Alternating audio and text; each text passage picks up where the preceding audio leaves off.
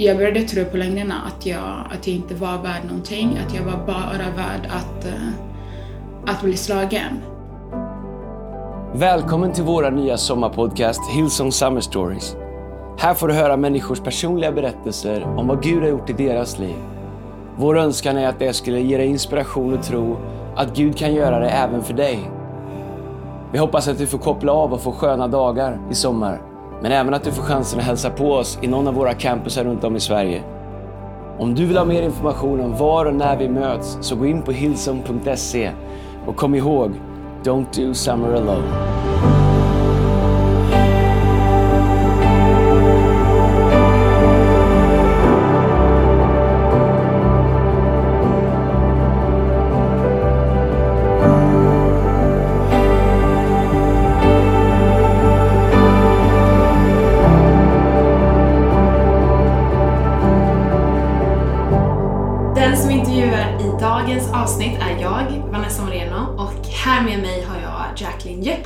Välkommen hit. Tack.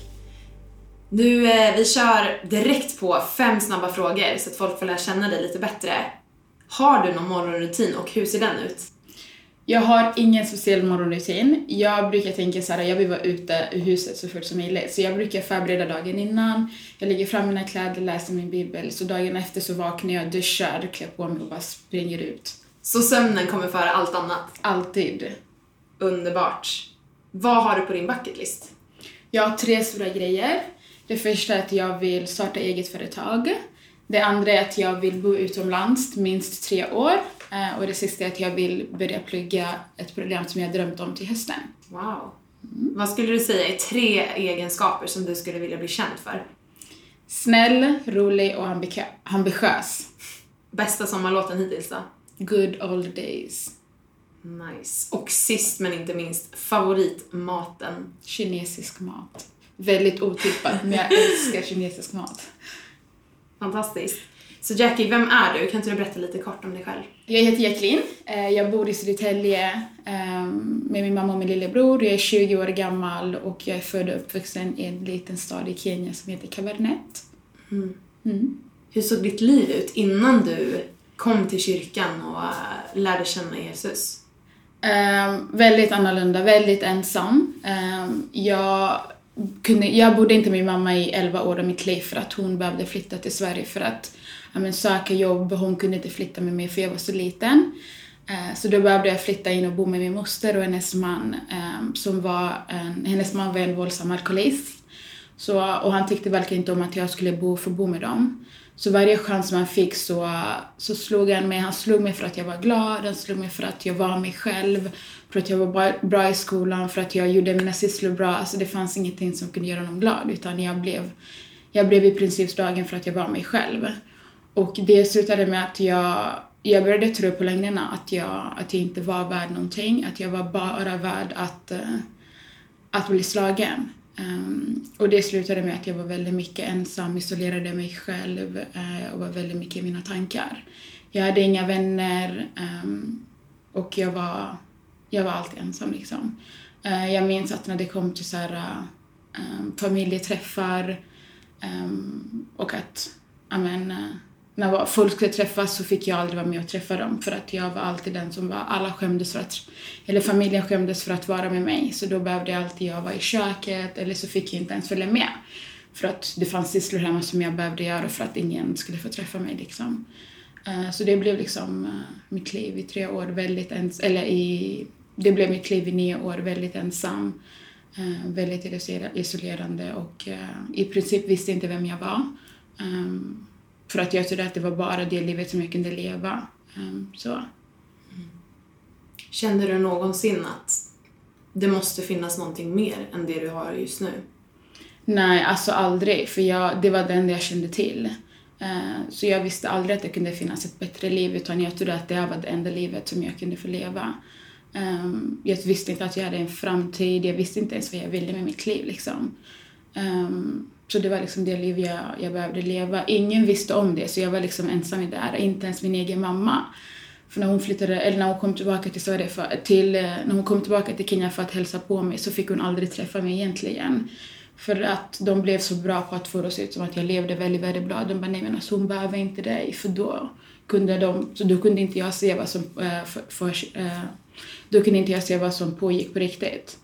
Så jag var väldigt ensam i det här. Jag visste inte att det fanns ett bättre liv utan jag var så här, det är livet som jag får leva och så får det bli liksom. Mm. Um, så. Mm. Mm. Men du sa om hur du blev behandlad hemma i din familj och så. Mm. Vad skapade det hos dig, alltså som person? Och Mm. känslan av att inte känna att man är älskad? Mm. Man blir väldigt brusten för kärlek är väldigt viktig i livet men jag, jag fick aldrig, aldrig uppleva någon kärlek. Jag visste inte att jag hade något värde, jag visste inte ens vad kärleken var egentligen. Um, att vara ensam leder till att man tror på sina, sina egna tankar. Um, och det slutar med att man bara... Man vet inte ens vad man ska göra med sig själv. Liksom. För det, man vet inte vad som är bättre. Så man lever bara helt ihop. Eh, alltid rädd för någonting, alltid rädd för att... Alltså man vet ingenting som är bättre. Liksom. Um, Mm. Så jag levde ganska mycket i rädsla. Mest rädsla för att, för att man visste aldrig när han skulle kunna slå dig. Han kunde komma när som helst. När man gick kunde han typ putta dig. När du stod kunde Asara när som helst kunde det hända. Så man lever ganska mycket i rädsla. Um, så det var där jag, jag levde ganska mycket av mitt liv. Och det leder till att man, eh, man blir väldigt isolerad men också att man börjar uh, umgås med vem som helst som tar emot dig. Liksom. Um, det är så det fick bli. Speciellt när jag flyttade till Sverige senare. Mm. Du var 11 år när du flyttade till Sverige. Ja, exakt. Jag var 11 och skulle börja sjuan. Folk ville vara vän med mig, men jag kunde inte förstå varför de ville vara vänner med mig. För jag, jag har verkligen ingenting att ge er. Jag är inte rolig, jag är inte ens någon som är värd att umgås med. Um, så när folk ville umgås med mig kände jag att jag behövde anpassa mig och vara på ett visst sätt för att folk skulle kunna tycka om mig på riktigt. Så det, det, det, jag levde sådär i fem år. Um, vem som helst som ville vara min vän, jag bara okej, okay, då är vi vänner. Men jag visste inte ens vem jag var. Och jag behövde liksom allt från att, amen, uh, eh, när folk ville festa, jag visste att jag inte ville festa, men jag gick ändå för att jag inte ville vara den tråkigaste. Uh, när folk ville röka, jag ville inte göra det, men man gjorde det för att bara imponera på människor.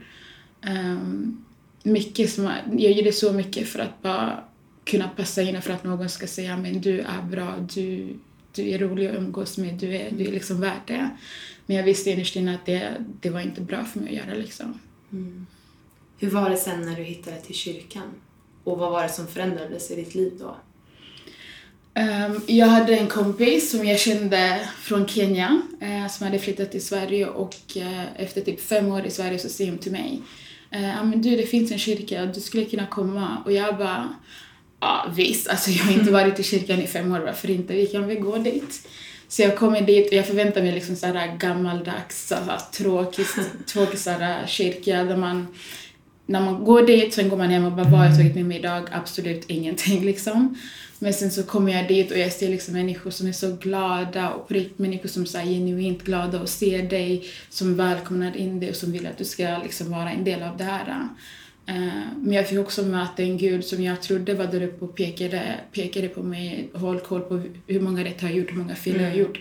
Jag trodde verkligen att det var det Gud gjorde, att jag behövde vara så bra som möjligt för att han skulle älska mig. Ehm, men att få komma till kyrkan och få höra att nej men Gud älskar dig precis som du är.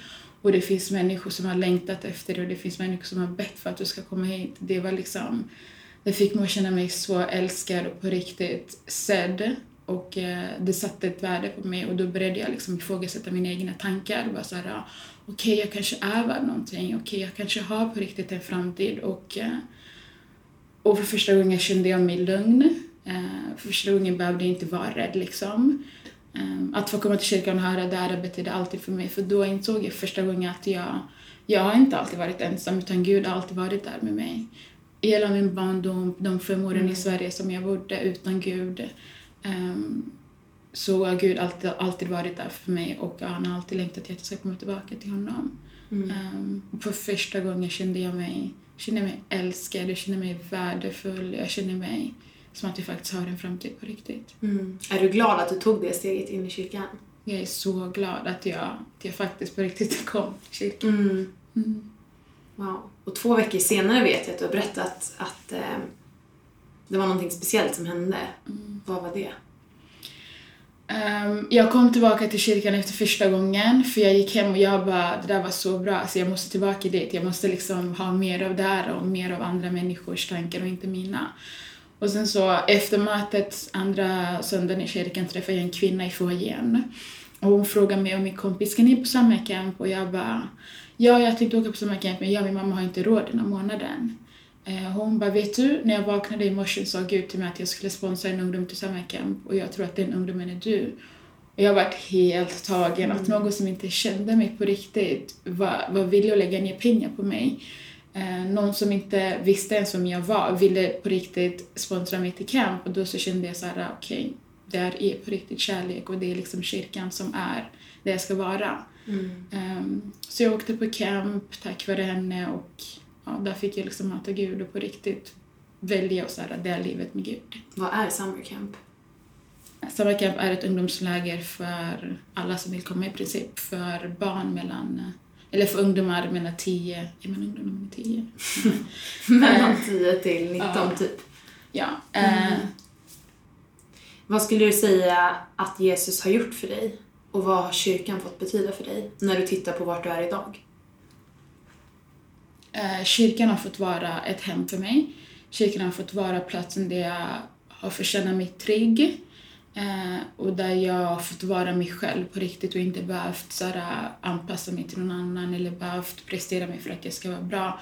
Utan det har varit platsen där jag kan komma, andas ut, vara mig själv och bara, och bara liksom få vara en del. Eh, och kyrkan var första stället där jag fick känna kärlek på riktigt.